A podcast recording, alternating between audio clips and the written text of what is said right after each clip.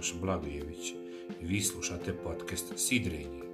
Ovaj podcast je autostoperski vodič kroz neurolingvističko programiranje. Nijedan posao ne može da funkcioniše bez komunikacije, a efikasna komunikacija može da se ostvari tek kada se uspostavi snažan osjećaj odnosa. Da bismo prihvatili tuđe ideje, mišljenje ili uticaj, Prvo moramo da ih prihvatimo, a to uključuje stvaranje snažnog elementa povjerenja i percipiranog međusobnog razumijevanja i poštovanja. Ako razmišljate o ljudima kojima ste dozvolili da utiču na vas i vaše odluke, koji kvalitet oni posjeduju što vas privlači prema njima i šta vas tjera da uvijek iznova prihvatate njihov koncept. Prijatelji koje biramo, kao i šefovi, kolege, klijenti, nastavnici, treneri, trgovci i prodavci, svi ovi pojedinci imaju mogućnost da utiču na vaše mišljenje, vaše misli i vaše kasnije odluke, a prepoznavanje toga će vam omogućiti da počnete sa svrhom uticati na njih redom. Međutim, prije nego što bilo ko bude u mogućnosti da utiče na bilo šta, prvo moramo uspostaviti početno povjerenje. Povjerenje je najvažnije ako treba da postoji bilo kakav odnos i može se stvoriti samo kroz uspostavljen odnos, to jeste postojanje usaglašenosti. Bez usaglašenosti nemamo ništa osim besmislenih riječi i dijela. Povjerenje je najvažnije ako treba da postoji bilo kakav odnos i može se stvoriti samo kroz uspostavljenu usaglašenost. Dakle, šta je usaglašenost?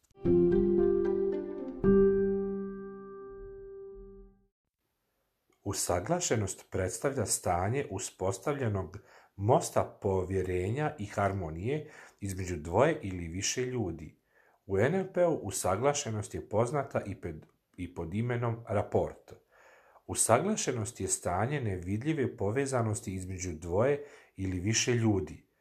Osobe koje vladaju vještinom brzog uspostavljena usaglašenosti sa različitim ljudima imaju sposobnost da se prilagode različitim mapama svijeta svojih sagovornika. Osnova uspostavljena u saglašenosti leži u činjenici da ljudi vole one ljude koji su im slični.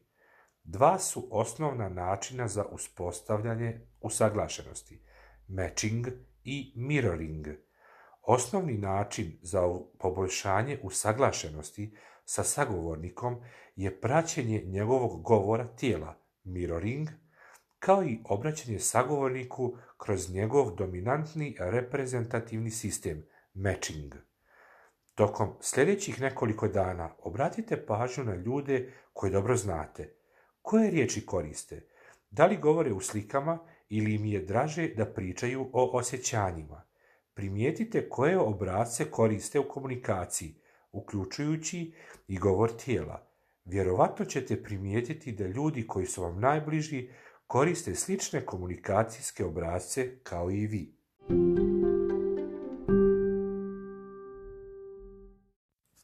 Osnovni elementi uspostavljanja usaglašenosti. Mi volimo ljude koji su nam slični ili one koji su slični onom što bismo mi željeli da budemo. Zato su matching i mirroring Osnovne tehnike koje koristimo kada želimo da poboljšamo komunikaciju sa nekim. Ovo možemo postići na direktan ili inverzan način. Možemo pratiti i kopirati sljedeće aspekte spoljašnje i unutrašnje strukture našeg sagovornika. Pod 1. Primarni reprezentativni sistem. Kada prepoznamo sagovornikov dominantni reprezentativni sistem, Možemo mu se obratiti tako da nas čuje, vidi ili osjeti na njemu najprihvatljiviji način. Pod 2. Fiziologija. Kada preuzimamo pokrete sagovornika kao što su pokreti ruku, govor tijela, izrazi lica, pokreti očiju i sl., mi šaljemo podsvjesnu poruku našem sagovorniku da mi jesmo isti. Vodite računa da pokreti ne budu nagli i upadljivi, jer se ovdje radi o finom podešavanju i uklapanju. Ukoliko sagovornik svjesno primijeti da ga kopirate, možete u potpunosti razbiti usaglašenost. Pod 3. Način govora. Možemo kopirati način na koji sagovornik govori, jačinu, ritam i boju glasa, kao i specifične riječi koje koriste. Treba izbjegavati preuzimanje akcenata naročito ako se radi o drastičnim razlikama. Pod četiri, ritam disanja. Ovo je vjerovatno najefikasniji način za uspostavljanje usaglašenosti i to iz više razloga. Veoma je suptilan i skoro da je nemoguće da svjesno bude prepoznat. Uz preuzimanje ritma disanja veoma lako možemo preuzeti i osjećanja koja sagovornik ima u vezi sa temom. Direktna posljedica preuzimanja osjećanja je promjena fiziologije. Pod pet. Iskustvo, interesovanja, strategije, stavovi. Slaganje u ovim oblastima je najčešći način za sklapanje prijateljstva, a prijateljstvo bez povjerenja je nemoguće.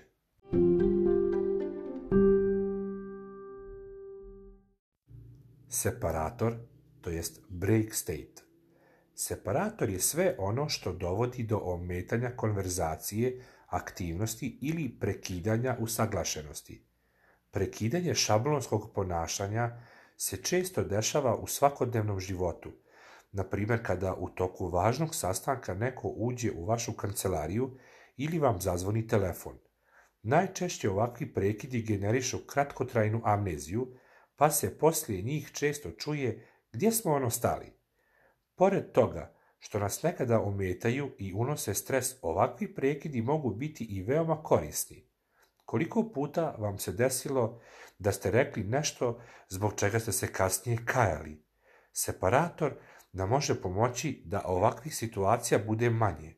Najefikasnije je primijeniti separator na samom početku problematične situacije, kada primijetimo promjenu u sagovornikovom govoru tijela, boji ili tonu glasa, izrazu lica koji mogu da ukazuju na potencijalno problematičnu situaciju. Separator može biti kašalj, puckatanje prstima, pljesak rukama, ispuštanje knjige itd.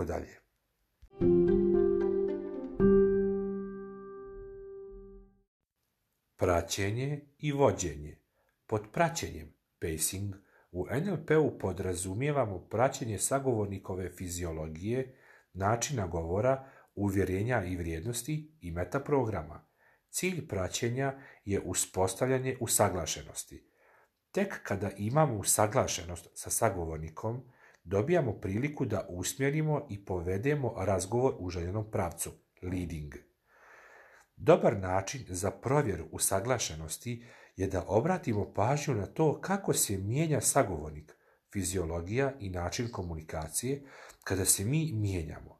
Na primjer, ako neko govori brzo i mi ulazimo u proces praćenja njegove brzine govora, a zatim polako usporavamo i ako sagovornik počne da nas prati i da usporava govor, to znači da postoji usaglašenost.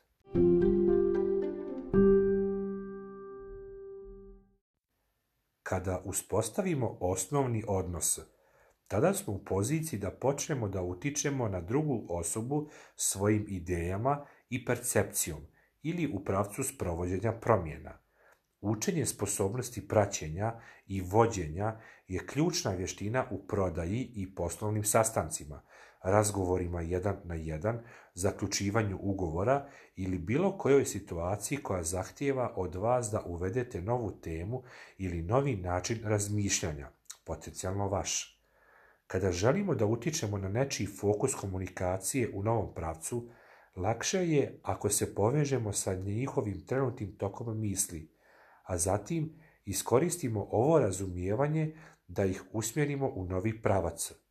Zapamtite, prvo usaglašavanje, zatim praćenje, praćenje i opet praćenje, zatim vođenje i onda još malo praćenja, čisto zbog dobrog omjera. Osmijeh može reći hiljadu riječi i ne košta ništa. Osmijeh je veoma sličan zjevanju. Veoma je uticajan i veoma je teško ne uzvratiti. Također je jedno od najpopularnijih sidara za stvaranje srećnih stanja kod drugih, jer kada se osmijehnete, oslobađate endorfine, hormon sreće, u krvotok. Osmijeh može uliti samopouzdanje, stvoriti opuštanje smiriti mnoge situacije, a još bolje ne košta vas ništa.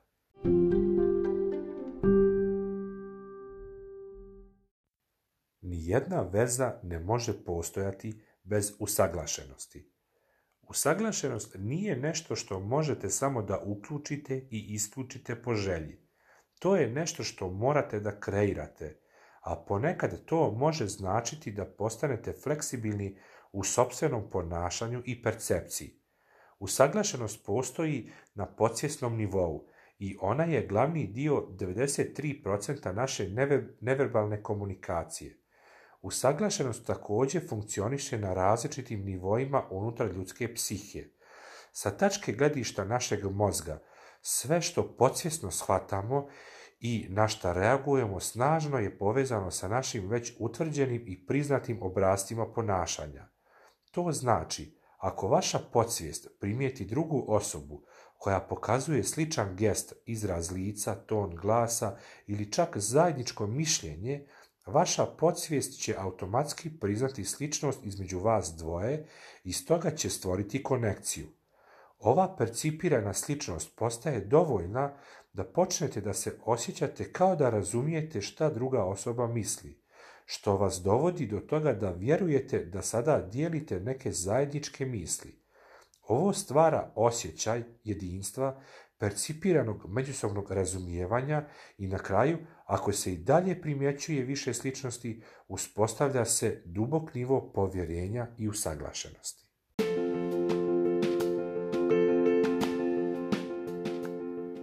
Ovo je bila osma epizoda podcasta Sidrenje, u kojoj sam govorio o usaglašenosti.